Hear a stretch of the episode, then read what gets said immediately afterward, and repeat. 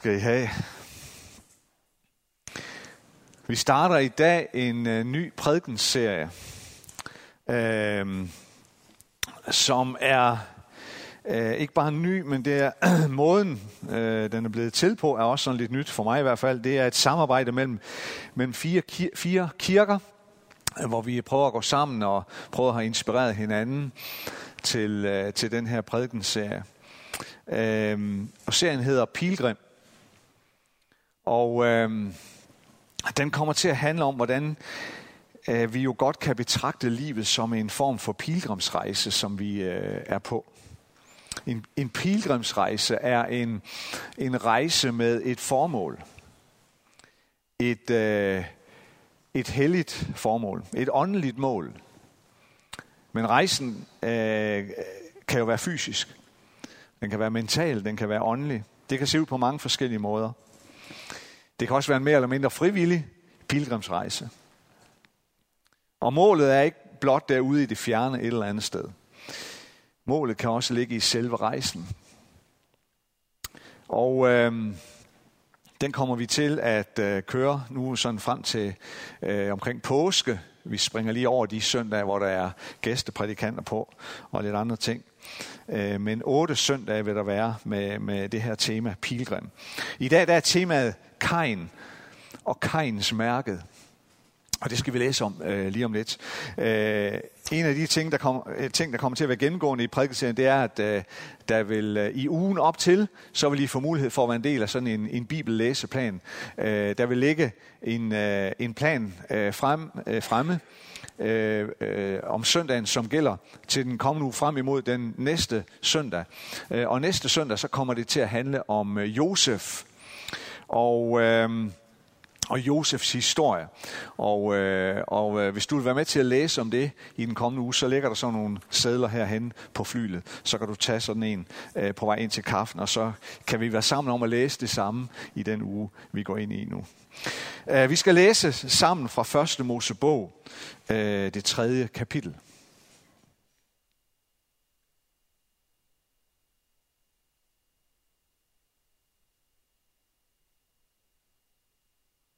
Det ved den ikke rigtigt. Det, jeg har brug for jeres hjælp op, øh, gutter, til at skifte. Tak for det. Øhm, der står sådan her. Han jo mennesket ud, og øst for Edens have anbragte han keruberne og det lynende flammesvær til at vogte vejen til livets træ. Adam lå med sin kone Eva, og hun blev gravid og fødte Kain. Hun sagde, jeg har skabt en mand ved Herrens hjælp. Dernæst fødte hun hans bror Abel. Abel blev forhyrte, mens Kain blev agerdyrker. En gang bragte Kain en offergave af jordens afgrøde til Herren. Også Abel bragte en offergave. Fedtstykkerne af sit småkvæs første fødte. Herren tog imod Abels offergave, men Kains offergave tog han ikke imod. Så blev Kain meget vred og gik med sænket hoved. Herren sagde til Kain, hvorfor er du vred, og hvorfor går du med sænket hoved? Hvis du gør det gode, kan du se frit op, men hvis du ikke gør det gode, lurer synden ved døren. Den vil begære dig, men du skal herske over den. Siden talte Kain til sin bror Abel. Og da de en dag var ude i det fri, overfaldt Kain sin bror Abel og slog ham ihjel. Der spurgte herren Kain, hvor er din bror Abel? Kain svarede, det ved jeg ikke. Skal jeg vogte min bror? Herren sagde, hvad er det, du har gjort? Din brors blod råber til mig fra jorden. Nu skal du være bandlyst fra den jord, som har spærret sit gab op og drukket din brors blod, som du udgød. Når du dyrker jorden, skal den ikke mere give dig sin grøde. Fredløs og flygtning skal du være på jorden. Kain sagde til Herren, min straf er for stor at bære. Nu jager du mig bort fra jorden, og jeg må skjule mig for dig, og være fredløs og flygtning på jorden, så enhver, der møder mig, så kan enhver, der møder mig, slå mig ihjel. Men Herren sagde til ham, nej, hvis nogen slår Kain ihjel, skal det hævnes syv gange. Og han satte et mærke på Kain, for at ingen, der mødte ham, skulle slå ham ihjel. Så forlod Kain herren og slog sig ned i landet Not øst for Eden. Kære far, tak fordi, at, at du har givet os ordet. Du har givet os skriften. Og tak fordi du åbenbarer dig selv for os i skriften. Og tak fordi du åbenbarer dig selv for os her og nu midt i fællesskabet. Amen. Det, der sker her, øhm, det er det allerførste, som sker, eller det er i hvert fald det allerførste, som fortælles om, efter at mennesket er blevet smidt ud af Edens have. Mennesket har gjort oprør mod Gud, gået imod Guds vilje og ønske for mennesket. Og konsekvensen er voldsom og dramatisk. Mennesket har ikke længere en plads i Edens have. Og her kommer vi så ind i historien. Umiddelbart efter den her paradisiske tilstand i Edens have. Og vi må bare konstatere, at med et slag, så er vi kastet ud i en helt ny virkelighed, som er både voldsom og dramatisk. Og modsætningen til, i forhold til det mennesket øh, oplevede, da alt var fryd og gammel i Edens have, den modsætning, den er nærmest helt vild, nærmest øh, øh, ubeskrivelig. Her kastes vi ud i en ny virkelighed. På en måde, som er ja, næsten helt ubeskriveligt dramatisk. Vi er på generation 2 efter Adam og Eva. Vi er hos deres børn, Abel og Kain. Og hvad sker der så? Det allerførste, vi hører om. Kain slår sin bror ihjel. Det kan jo næsten ikke blive mere dramatisk. Og hvorfor slår Kain så sin bror ihjel? Ja, vi får jo ikke, vi får jo ikke den direkte årsag at vide. Men vi må i hvert fald formode, at det har noget at gøre med den situation, der opstår i forbindelse med, øh, at begge brødre bringer en offergave til Gud. For der står, at Gud tog imod Abels offer, men Kains offer tog Gud ikke imod. Og hvordan det ses, at, at, at Gud tog imod det ene offer, men ikke det andet, det får vi ikke rigtig at vide. Vi får bare at vide, at sådan er det. At Gud tog imod Abels offer, men ikke Kains. Men resultatet er i hvert fald tydeligt. Efter det her sker, så hører vi om Kain, som er blevet en vred og en enormt indebrændt mand. Og hans tilstand bliver sikkert mere og mere formørket. Og til sidst så ender det med det her tragiske. En dag, hvor de to brødre er sammen ude på marken, så overfalder Kain sin bror Abel og slår ham ihjel.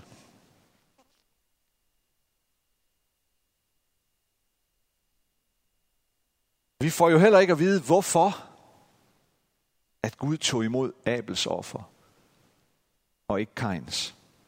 Ikke sådan direkte i hvert fald. Vi får en antydning i det nye testamente, helt hen i Hebræerbrevets kapitel 11. Der står sådan her, i tro frembar Abel Gud et rigere offer end Kain, og derved blev det bevidnet, at han var retfærdig. Så Hebræerbrevets forfatter antyder noget omkring det her, øh, omkring tro. Det virker som om, at Gud havde set noget hos Abel, som han ikke fandt hos Kain. En stærkere tro måske, eller noget, som på en eller anden måde var godt i Guds øjne. Noget, som han ikke fandt hos storebror Kain. Men måske var der også noget andet.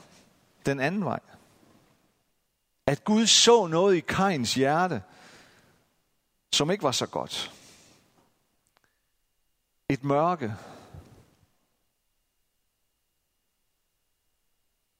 En trang til at føle misundelse. Et forkert syn på sig selv, et forkert syn på sine omgivelser. Noget, som kunne påvirke Kains motiver i negativ retning.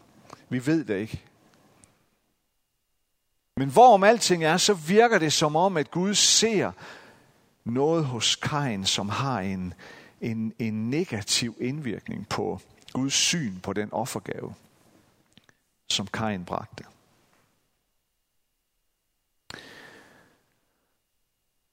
For i hvert fald så er det sådan, at også det nye testamente, når vi læser i det, siger noget om, at der er, altså en, der er en forbindelse.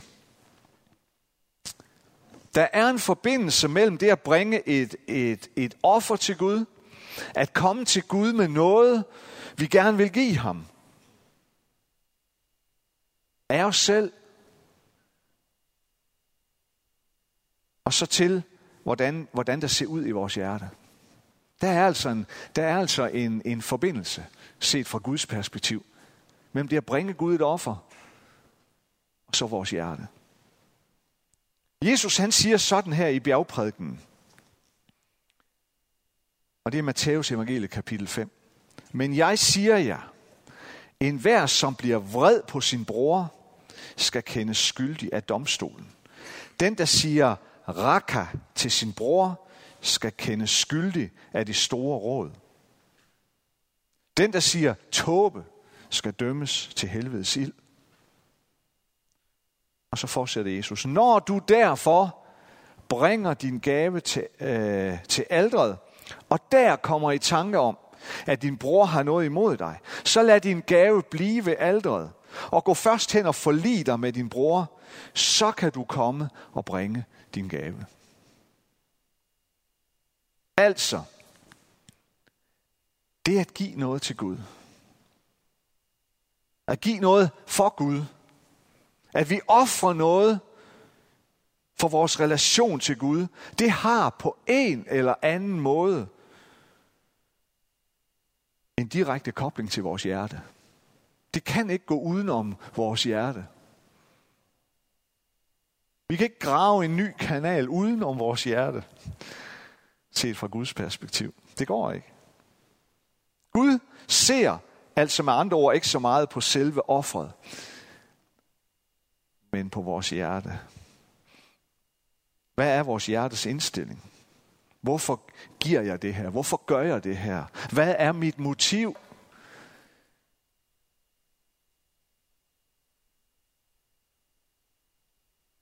Og dybest set, så kan jeg jo ikke give Gud noget, som han desperat har brug for. Han klarer sig nok uden. Nej, det han er interesseret i, det er og bliver mit hjerte. Det vil han altid være mest interesseret i.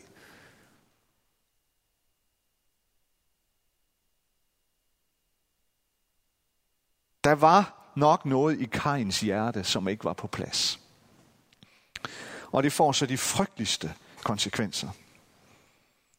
At han ender med at slå sin egen bror ihjel. Lad os lige stoppe op et øjeblik. Hvad er det for et mørke, der råder i Kains hjerte? Det er jo svært at afgøre. Men visse tegn kan vi måske nok se. Og det er sikkert tegn på noget, som jeg vil gætte på, ikke er så fremmed endda for mange af os her. Kan vi ikke se tegn på begrebet misundelse hos Kain? Jo, det kan vi nok. Eller hvad med vrede? Eller hvad med et lavt selvværd? Hvad med en selvforståelse, som ligger meget langt fra det, som er Guds tanker for det enkelte menneske? Må ikke det er nogen af de ting, som gemmer sig i Kains hjerte? og som til sidst driver ham ud i den her ultimative handling. Den her frygtelige handling.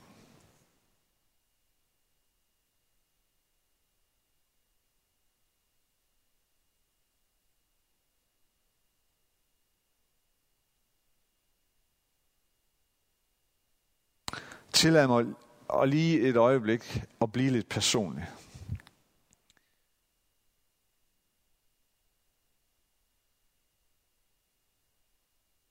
Også selvom det ryger ud i den store verden, og podcast, og hvad ved jeg. Men det må jeg bære. For vi er jo dem, vi er. Og vi bærer på den historie, vi gør. Mange af jer kender til min historie. Øhm, at min, min... Jeg blev født uden for ægteskab.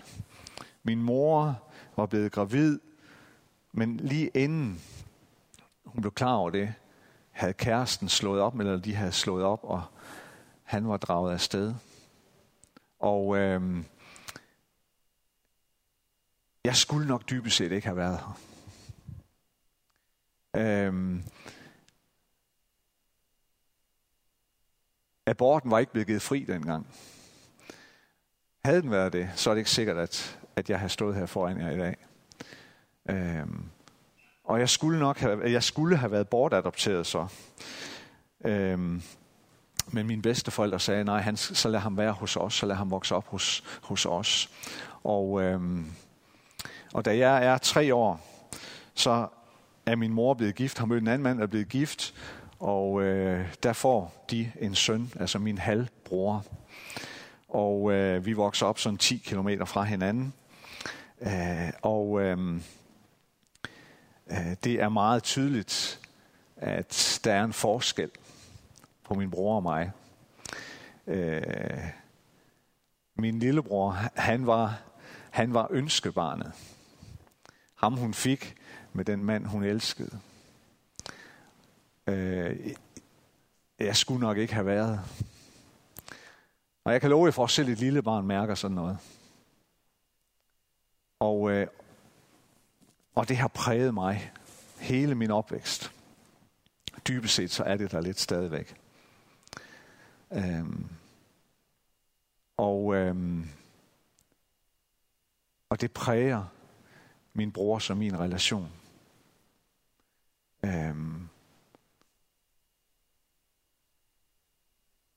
Jeg kan godt mærke, jeg kan godt genkende lidt, hvad jeg tror, Kain har oplevet. Selvom jeg kunne aldrig blive drevet derud, hvor Kain blev drevet ud. Der, dertil elsker jeg min bror alt for højt. Men det har præget mig. Og jeg har selv her i min, på mine halvgamle dage oplevet det her med, hvordan at det, eller at det er svært at have den her nære, virkelig nære brorrelation mellem min bror og mig. Og nogle gange så bliver jeg ramt af det her med misundelse. Og jeg holder min, når jeg, når jeg kan mærke også, at min lillebror har brug for min anerkendelse, og så kan jeg nogle gange holde den tilbage, fordi jeg tænker, nej, du fik alting, da du var barn.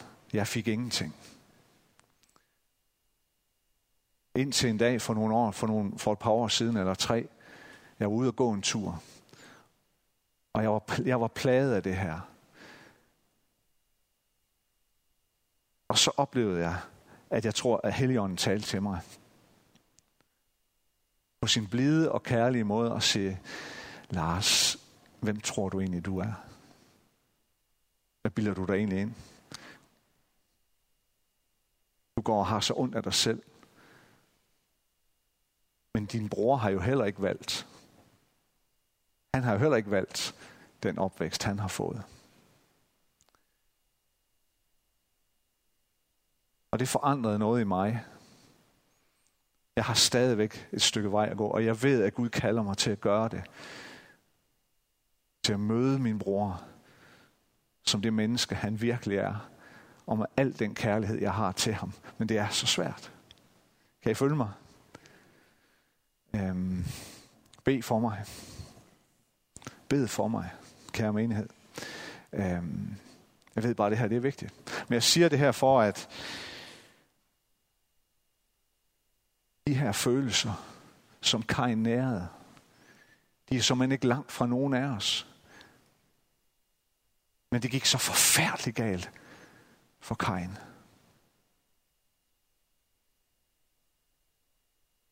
Konsekvenserne af mørket inde i Kain er forfærdelige. Og Kain selv må jeg også konstatere, at konsekvenserne i forhold til hans relation er voldsomme. Hans relation til Gud, hans relation til verden, det er voldsomt. Gud beskriver konsekvenserne. Nu skal du være bandlyst fra den jord, som har spærret sit gab op og drukket din brors blod, som du udgød. Når du dyrker jorden, skal den ikke mere give, give dig sin grøde. Fredløs og flygtning skal du være på jorden. Og Kains svar er umiddelbart, min straf er for stor at bære. Nu jager du mig bort fra jorden, og jeg må skjule mig for dig og være fredløs og flygtning på jorden.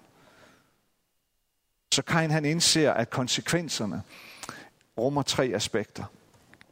Du jager mig bort fra jorden.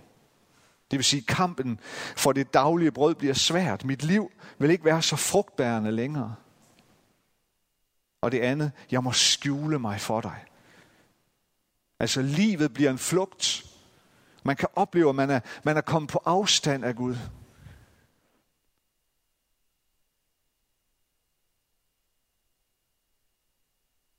Og det tredje, nu skal jeg være fredløs og flygtning på jorden, siger Kajen. Det vil sige en følelse af at være på en, en livsvandring. En vandring uden at finde et hjem, uden at finde sig selv, uden at, uden at have et sted, hvor man kan føle hvile og ro. En hvileløs søgen. Det er de tre konsekvenser, Kain konstaterer.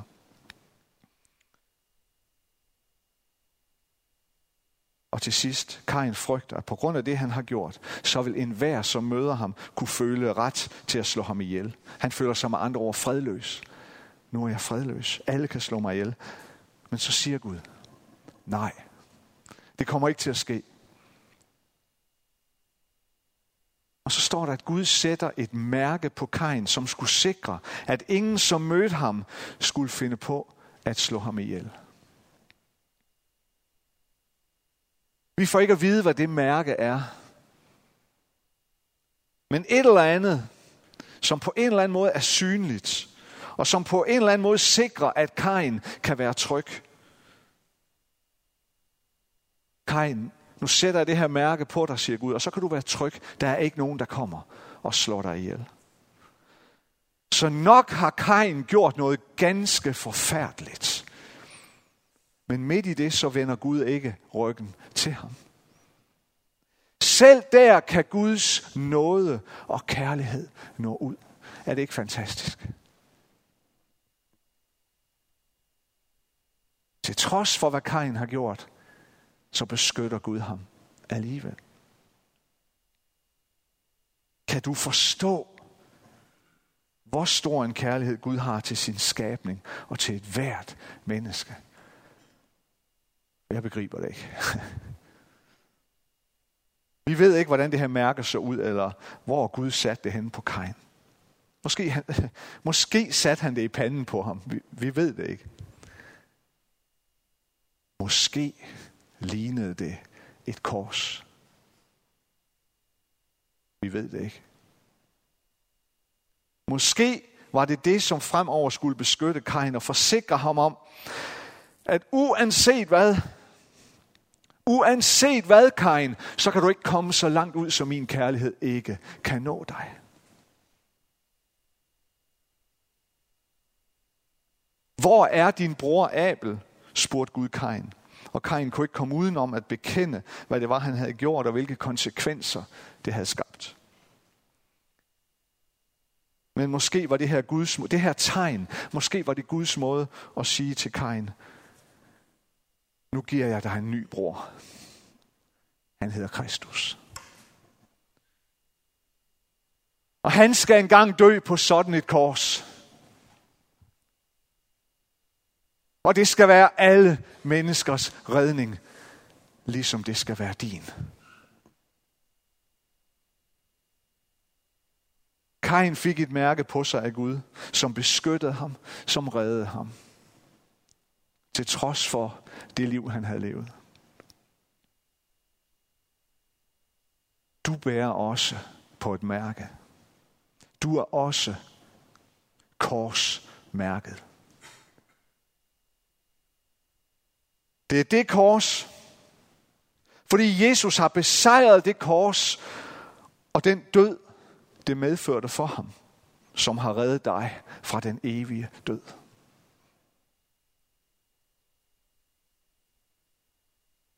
Jesus han har en vej for dig, du som måske indimellem kan blive overmandet af misundelse. Du som kan blive tvunget i knæ på grund af jalousi, af et lavt selvværd, af følelsen af at være forkastet, af følelsen af at være uønsket. Jesus har sat sit mærke på dig.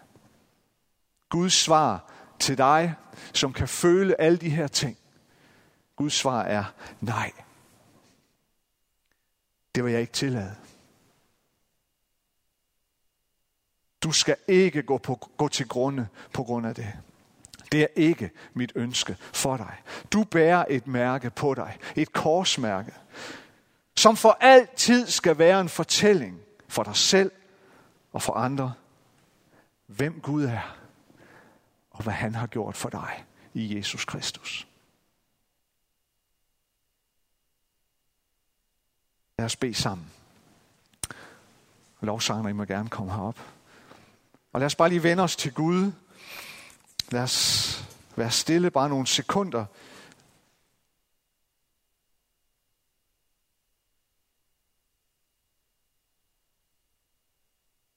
Lad os, lad os lukke øjnene, lad os bøje hovederne. Øhm.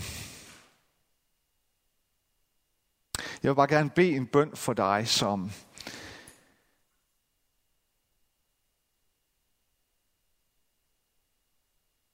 som måske går igennem noget af det her. Der kan være tider i dit liv, hvor det står stærkt, og så er der også andre tider, hvor det måske ikke fylder så meget.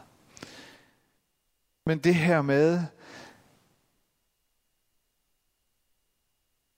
at du måler din egen værdi i, hvad andre måtte mene om dig.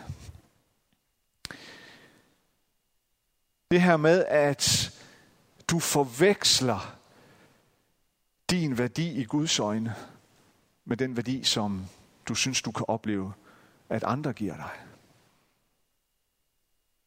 Og det kan ramme dit selvværd. Det kan ramme din oplevelse af at være ønsket. Som gør, at du måske nogle gange føler dig uønsket. Jeg vil så gerne bede en bøn for dig. Jeg tror, Gud er her for at møde dig i dag. Jeg tror, Gud er her for at forsikre dig om det mærke, du bærer på. At du er korsmærket.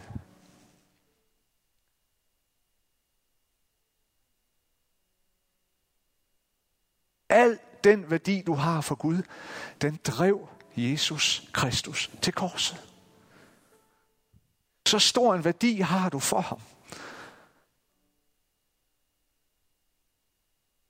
at Gud sagde til sin eneste søn Jesus, vil du gå den vej? Vil du gå det vej for det her menneske og for alle mennesker? Og Jesus sagde, ja, jeg går den vej. Det mærke bærer du på.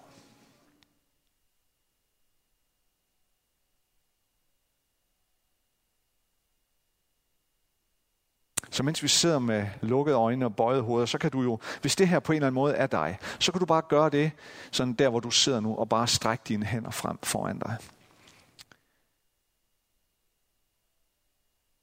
Som et billede på, at du vil tage imod al den dyrebare portion af kærlighed og noget, som Gud vil skænke dig lige nu. Kære far, Tak fordi du satte et mærke på Kain. At selvom han havde gjort noget forfærdeligt, så vendte du alligevel ikke ryggen til ham. Så lod du alligevel ham ikke sejle sin egen sø.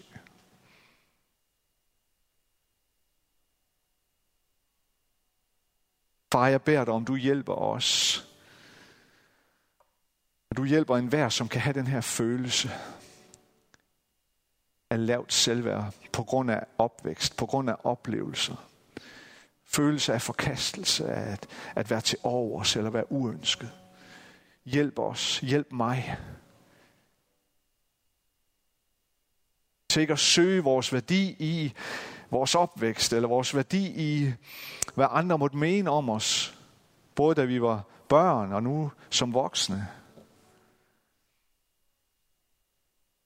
Men forstå, hvor stor en værdi vi har for dig. Det er, den, det er vores værdi i dig og hos dig. Det er det, der betyder noget. Hjælp os, Herre. Hjælp os til at leve i den erkendelse og den virkelighed.